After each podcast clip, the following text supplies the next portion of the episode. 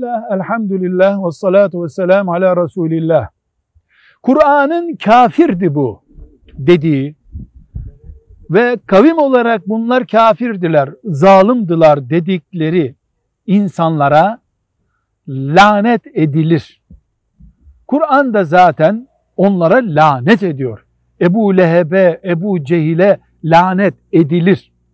Ama bir kafirin nasıl öldüğünü bilme ihtimalimiz çok zayıf ancak yüzde bir belki binde bir olacak kadar muhtemel olduğu için belki iman edip ölmüştür ihtimalinden dolayı hakkında nas yani hadis ve ayet bulunmayan kafirler için lanet etmemeyi tercih ederiz. Velhamdülillahi Rabbil Alemin.